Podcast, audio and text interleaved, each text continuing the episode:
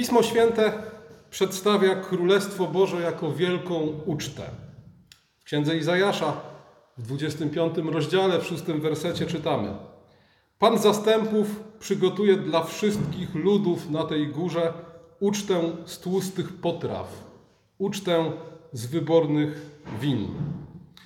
A zatem biada weganom, abstynentom i tym, którzy liczą kalorie. Całą wieczność będziecie jeść tłuste mięso i pić wino. Jak widać, Królestwo Boże wymaga poświęceń.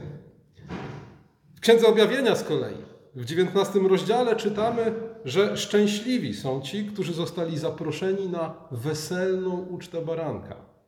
A więc to Królestwo Boże to nie będzie taka zwykła uczta, to będzie weselna uczta baranka. Chrystus pojmuje za żonę swoją oblubienicę, którą jest Kościół. A więc wieczność w Królestwie Bożym to będzie wieczne, niekończące się wesele. Ewangelii Mateusza w ósmym rozdziale, w jedenastym wersecie czytamy, że wielu przyjdzie ze wschodu i z zachodu, by zasiąść do stołu z Abrahamem, Izaakiem i Jakubem w Królestwie Niebios. A więc to będzie wielka uczta, wielka weselna uczta baranka i będziemy siedzieć przy jednym stole z Abrahamem, Izaakiem i Jakubem. Co więcej, sam Jezus mówi w Ewangelii Mateusza w 26 rozdziale, 29 wersecie: Odtąd nie będę już pił z tego owocu winnego krzewu, aż do dnia, kiedy z wami ponownie będę pił z niego w królestwie mojego Ojca. A więc nie tylko z Abrahamem, Izaakiem i Jakubem, ale z samym Jezusem będziemy siedzieć przy stole i pić wino. I choć nie jest to jedyna rzecz, jaką będziemy robić po zmartwychwstaniu, to jednak wygląda na to, że ucztowanie będzie ważnym elementem wieczności. I być może dlatego Bóg w prawie mojżeszowym nakazuje swojemu ludowi ucztować kilkadziesiąt dni w roku. Bo kiedy do 52 sabatów dodamy te wszystkie ustanowione przez Boga święta, niekiedy wielodniowe, a jeszcze do tego dodamy święta, które Żydzi ustanowili później, w trakcie swojej długiej historii, a które świętował również Jezus, a więc nie ma w nich nic złego, no to wychodzi dobre kilkadziesiąt, niemal sto dni w roku. Może chodzi o to, że powinniśmy się wprawiać w ucztowaniu, skoro będziemy to robić przez całą wieczność. I dlatego każda uczta, a szczególnie ta szabatowa, świąteczna i ta weselna, powinny być przedsmakiem i proroczą zapowiedzią Królestwa Bożego.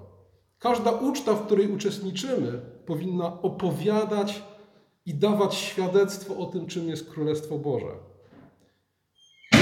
Między innymi dlatego wszelkie nadużycia w tej dziedzinie, pijaństwo, obżarstwo, rozwiązłość są grzechem, bo dają złe, fałszywe świadectwo o tym, czym będzie Królestwo Boże.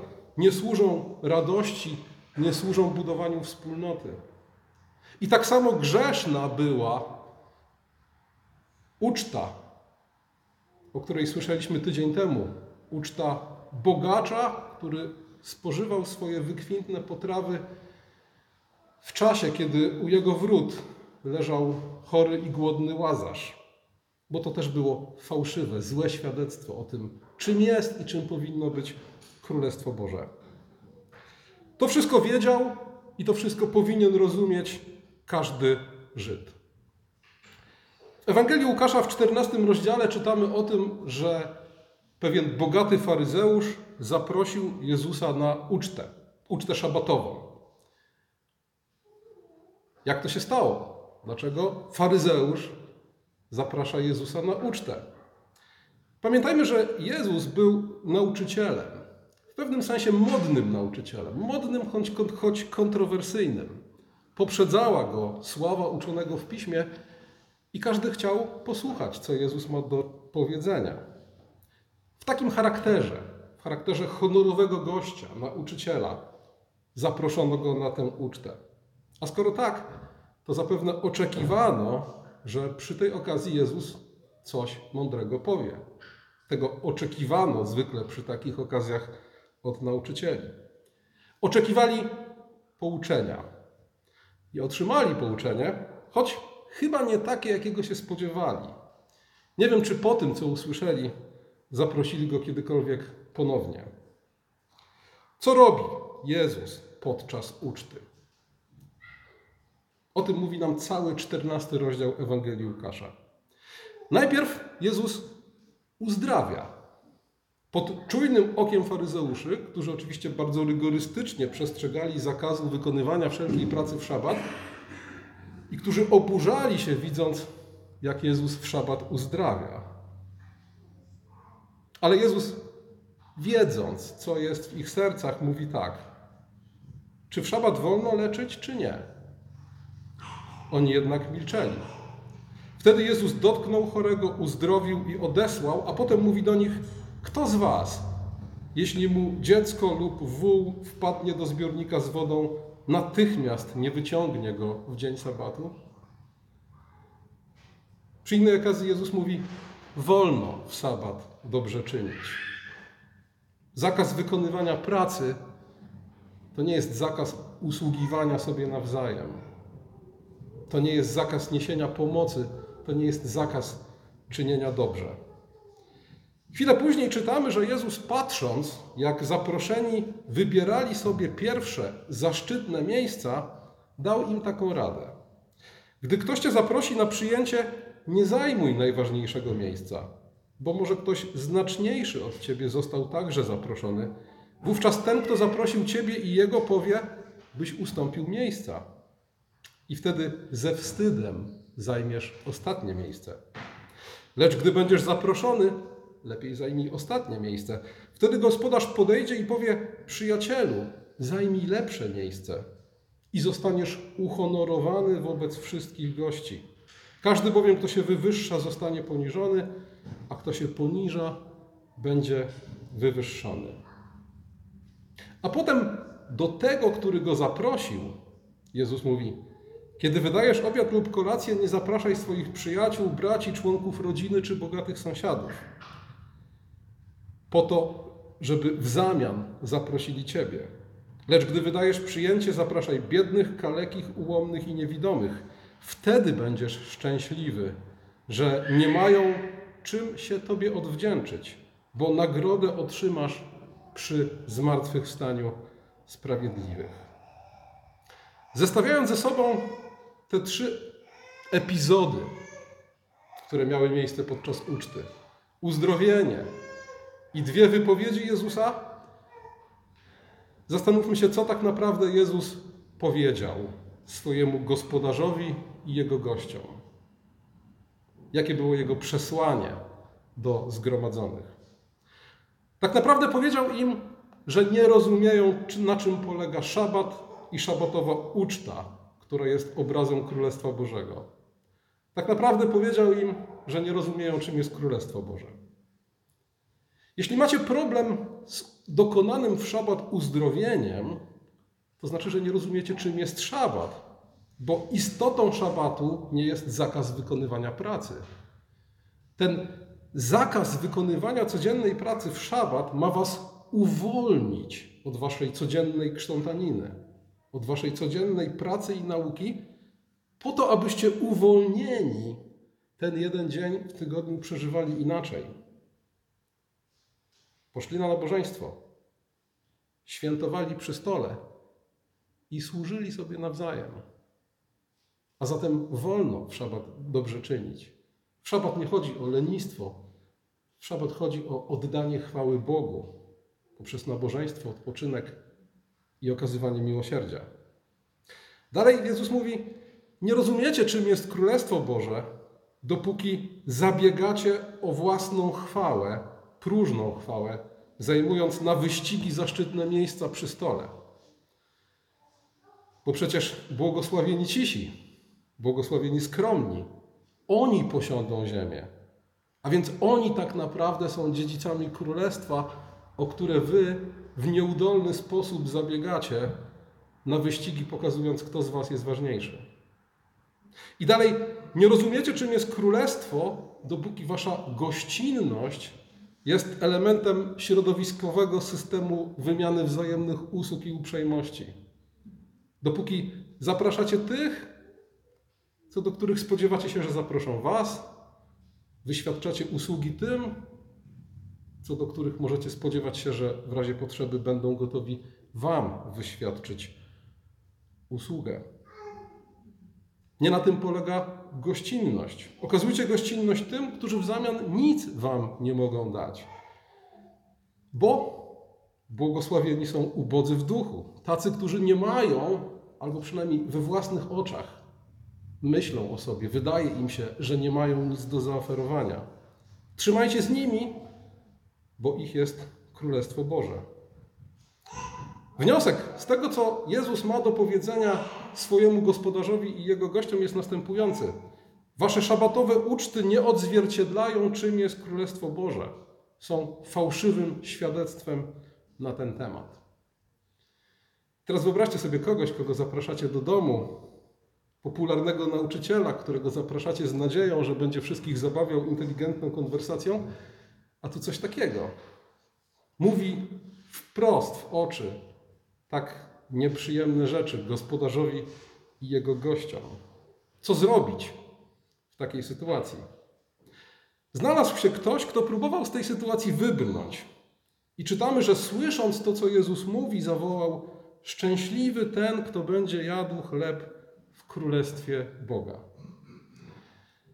Ten okrzyk jest taki, wydawałoby się trochę nie na temat.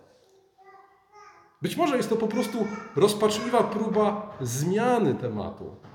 Rozpaczliwa próba zejścia z grząskiego gruntu rozmowy o naszym codziennym życiu. O tym, jak bardzo, wbrew wszelkim zewnętrznym faryzejskim pozorom, odbiega ono od biblijnych standardów. Może chodzi o to, żeby przejść na dużo bezpieczniejszy grunt rozmowy o tym, jak to fajnie będzie w niebie albo po zmartwychwstaniu. Myślę, że my jako chrześcijanie też często lubimy różnego rodzaju teologiczne spekulacje, najlepiej o czasach ostatecznych,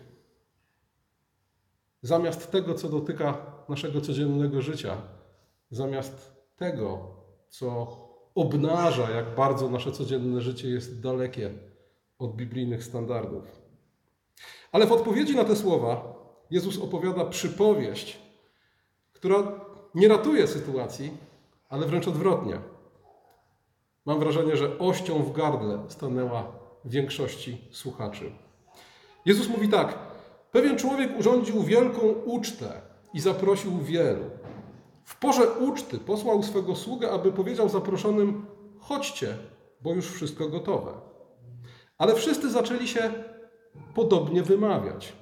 Pierwszy odpowiedział: Zakupiłem pole i muszę pójść je obejrzeć. Przyjmij, proszę, moje wytłumaczenie. Drugi zaś powiedział: Kupiłem pięć par wołów i idę je wypróbować. Przyjmij proszę moje wytłumaczenie.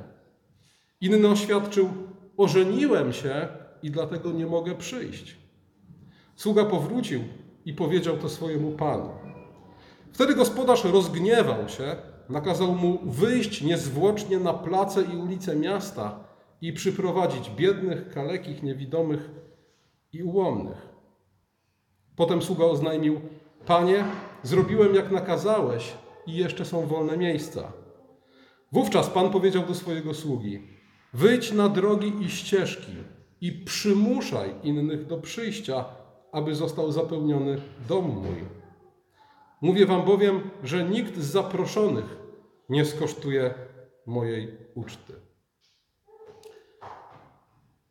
W kontekście tego, co Pismo Święte mówi o Królestwie Bożym, Nikt ze słuchaczy nie miał wątpliwości, kim jest gospodarz i czym jest uczta.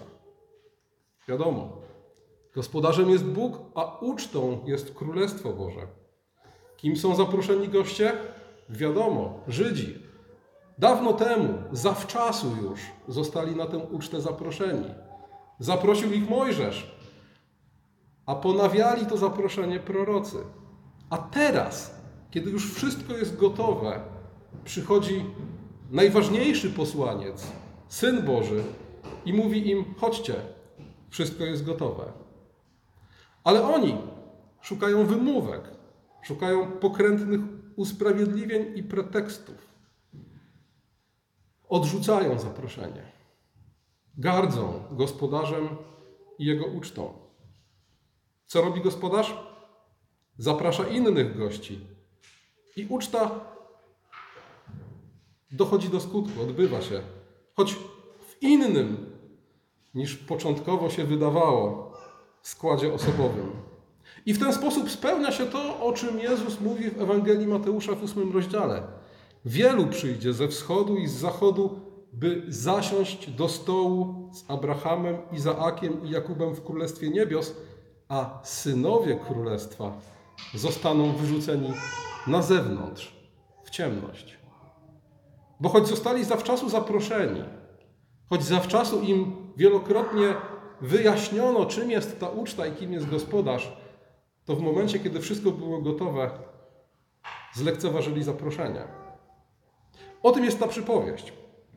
Ta przypowieść jest rzuconym w twarz gospodarzowi uczty i jego gościom i całemu narodowi żydowskiemu oskarżeniem. Zlekceważyliście Królestwo Boże. Nie doceniliście go. Kiedy nadeszła pora, wasze pola, żony i woły, wasze osobiste, religijne, polityczne, biznesowe uwikłania powstrzymały was od przyjęcia dobrej nowiny z wiarą i od pójścia za Jezusem. Wzgardziliście zaproszeniem, inni zajmą wasze miejsca. Nie macie pojęcia, czym jest Królestwo Boże. I na to wskazują wasze zachowania podczas uczty. To, że oburzacie się uzdrowieniem w szabat, to, że na wyścigi szukacie najlepszych miejsc i to, że pozwalacie sobie na wystawne uczty pośród przyjaciół, kiedy u bram waszego domu leży wasz brat, Izraelita, chory i głodny. Nie macie pojęcia, czym jest Królestwo Boże, więc nic dziwnego, że nie rozpoznaliście go, kiedy już nadeszło. I dlatego nie będziecie jedli chleba w Królestwie Bożym, pomimo radosnych okrzyków w trakcie uczty, błogosławiony ten, kto będzie spożywał chleb w Bożym Królestwie. Jakie ta przypowieść niesie przesłanie dla nas? Po pierwsze, w Piśmie Świętym zły przykład zawsze jest ku przestrodze i ku pouczeniu. Kiedy apostoł Paweł w pierwszym liście do Koryntian w dziesiątym rozdziale opisuje, jak to Izraelici wyprowadzeni z niewoli poginęli na pustyni, bo nie przyjęli słowa, które Bóg do nich skierował z wiarą, komentuje tę sytuację tak. To przyszło dla nich jako przykład a zostało spisane dla pouczenia nas. A więc weźmy przykład z tego złego przykładu i nie garćmy zaproszeniem, które Bóg kieruje do nas. Bo tak jak swego czasu Izraelitów, tak dzisiaj Bóg nas zaprasza do swojego królestwa. To my mamy dzisiaj zasiąść z Nim przy jednym stole na całą wieczność to my jesteśmy dzisiaj zaproszeni do wiecznej radości w doborowym towarzystwie. Nie pogardzajmy tym. To zaproszenie wydaje się tak atrakcyjne, że trudno w ogóle sobie wyobrazić, kto i dlaczego miałby je zlekceważyć. A jednak o tym właśnie jest przypowieść. Dlaczego lekceważymy zaproszenie na ucztę w Królestwie Bożym? Ze względu na pola, woły i żony. Ze względu na to, co w Ewangelii Łukasza w ósmym rozdziale w przypowieści o siewcy Jezus nazywa troskami bogactwa, troskami, bogactwami i przyjemnościami życia. To są te wszystkie chwasty, które zagłuszają Słowo Boże. To są te rzeczy, które same w sobie są dobre, ale kiedy stawimy je przed Chrystusem i Jego Królestwem, stają się naszym, naszą kulą u nogi. Dlaczego? Pola, woły i żony. Praca, rozrywka, sprawy tego świata wydają się tak atrakcyjne. Być może dlatego, że Królestwo Boże, weselna uczta baranka, na którą jesteśmy zaproszeni, zaczyna się niepozornie. My oczywiście wiemy, Pismo Święte nam o tym mówi, że ta, mówiąc kolokwialnie, impreza w pewnym momencie się rozkręci. Ale w momencie, kiedy gospodarz mówi, że wszystko już jest gotowe, w momencie, w którym my musimy odpowiedzieć na to zaproszenie, to jeszcze nie jest ten moment, że za pięć minut będziemy w rajskim otoczeniu pili wino przy jednym stole z Noem i Abrahamem.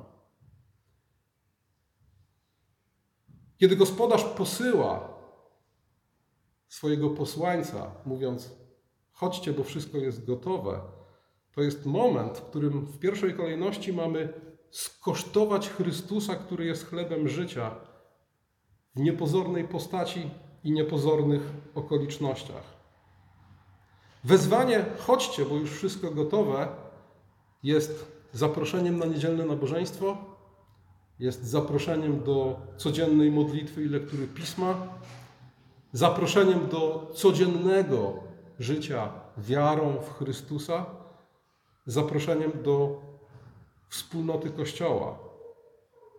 Bo jeśli Królestwo Boże jest ucztą, to znaczy, że jest wspólnotą. A to, niedzielne nabożeństwo, codzienna modlitwa i lektura pisma, codzienne życie wiarą, prozaiczna wspólnota Kościoła, to wszystko może się wydawać mniej atrakcyjne niż pole, żona i wół. Mniej atrakcyjne niż praca, która nas pochłania i rozrywki, których współczesny świat serwuje nam aż nadto.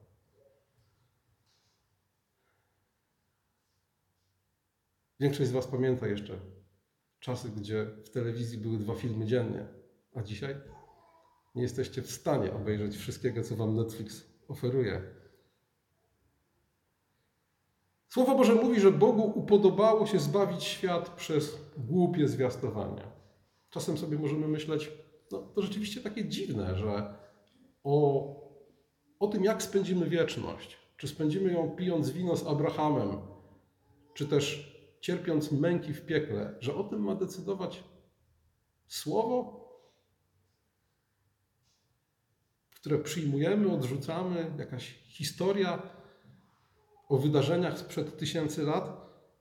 A jednak Bogu upodobało się zbawić świat przez głupie zwiastowanie.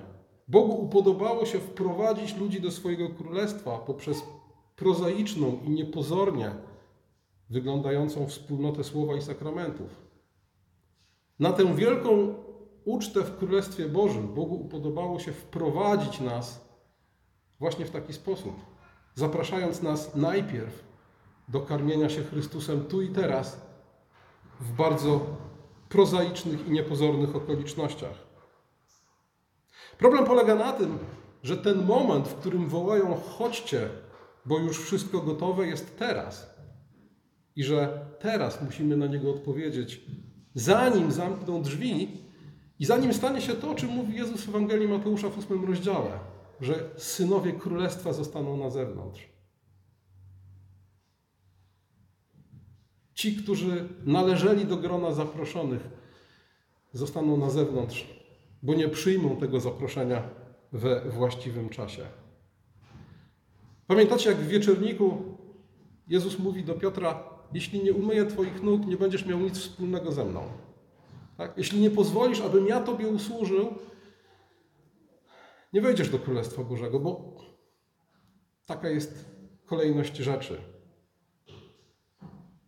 Dzisiaj Chrystus mówi do nas: jeśli Cię nie nakarmię dzisiaj, jeśli dzisiaj nie będziesz karmił się Chrystusem, żyjąc na co dzień wiarą, trwając w wspólnocie Kościoła, karmiąc się Jego Słowem, i wraz z Bożym ludem zasiadając u mojego stołu, jeśli to się nie dzieje dzisiaj, nie będziesz jadł chleba w Królestwie Bożym.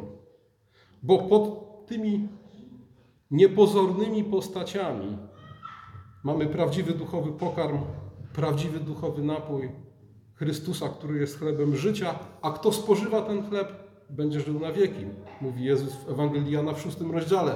A kto go nie spożywa, nie będzie miał życia w sobie. A więc, jeśli dzisiaj gardzisz zaproszeniem, jeśli dzisiaj szukasz wymówek, gardzisz tak naprawdę Chrystusem i Jego Królestwem.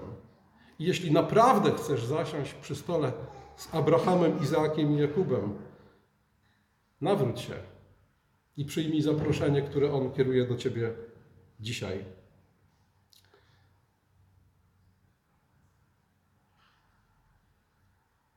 Zaraz po tej przypowieści o uczcie, Jezus mówi o tym, jaki jest koszt uczniostwa.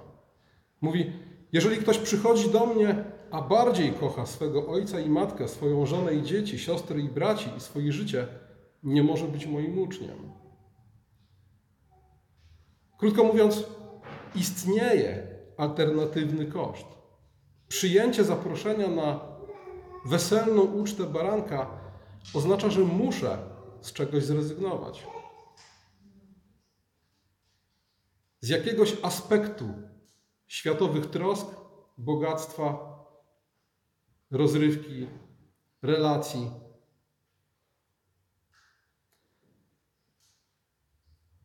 O tym, jakie miejsce zajmuje Chrystus w Twoim życiu, świadczy, o to, świadczy to, jak reagujesz na to zaproszenie. Jak reagujesz, kiedy Bóg woła: chodźcie, bo już wszystko gotowe? Jak reagujesz na zaproszenie na niedzielne nabożeństwo, do codziennej modlitwy i lektury pisma, do codziennego życia wiarą i do trwania we wspólnocie Kościoła? Oczywiście, wszyscy wiemy, że są takie sytuacje, w których nie mogę pójść na nabożeństwo. Ale ten tekst nie jest przeciwko ważnym powodom, on jest przeciwko wymówkom. On jest przeciwko usprawiedliwieniom, jakie sobie, jakich sobie wyszukujemy w momencie, kiedy po prostu postawiliśmy inne rzeczy przed Chrystusem. Można mieć ważne powody i nie przyjść na nabożeństwo. Ale kiedy te ważne powody, albo to, co uważasz za ważne powody, pojawiają się zbyt często, to może to nie są ważne powody. Może oszukujesz samego siebie. Mówiłem o tym wielokrotnie, ale powtórzę. O tym, jakie miejsce zajmuje Chrystus w Twoim życiu, świadczą nie deklaracje, które składasz. O tym, jakie miejsce zajmuje Chrystus w Twoim życiu, świadczy kalendarz i portfel. Na co przeznaczasz swój czas, na co przeznaczasz swoje pieniądze. A więc, jeśli chcesz odpowiedzieć sobie na pytanie, jakie miejsce Chrystus zajmuje w swoim życiu, nie musisz przeprowadzać jakiejś strasznie dogłębnej analizy swego wnętrza. Sprawdź swoją strukturę wydatków i swój kalendarz. Jak kończy się 14 rozdział Ewangelii Łukasza? Kończy się słowami: Dobra jest sól. Jeżeli jednak sól smak utraci, czym zostanie przyprawiona? Nie nadaje się ani do ziemi, ani do nawozu. Wyrzuca się ją na zewnątrz. I taka jest puenta całej tej historii, całej tej opowieści o wielkiej uczcie. Kto gardzi zaproszeniem, jakie Bóg do niego kieruje, kto nie chce ponieść kosztów uczniostwa i nie jest gotów zrezygnować dla Królestwa Bożego z rzeczy dobrych i sympatycznych, ale takich, które przeszkadzają w pójściu za Chrystusem, jest jak zwietrzała sól. Amen.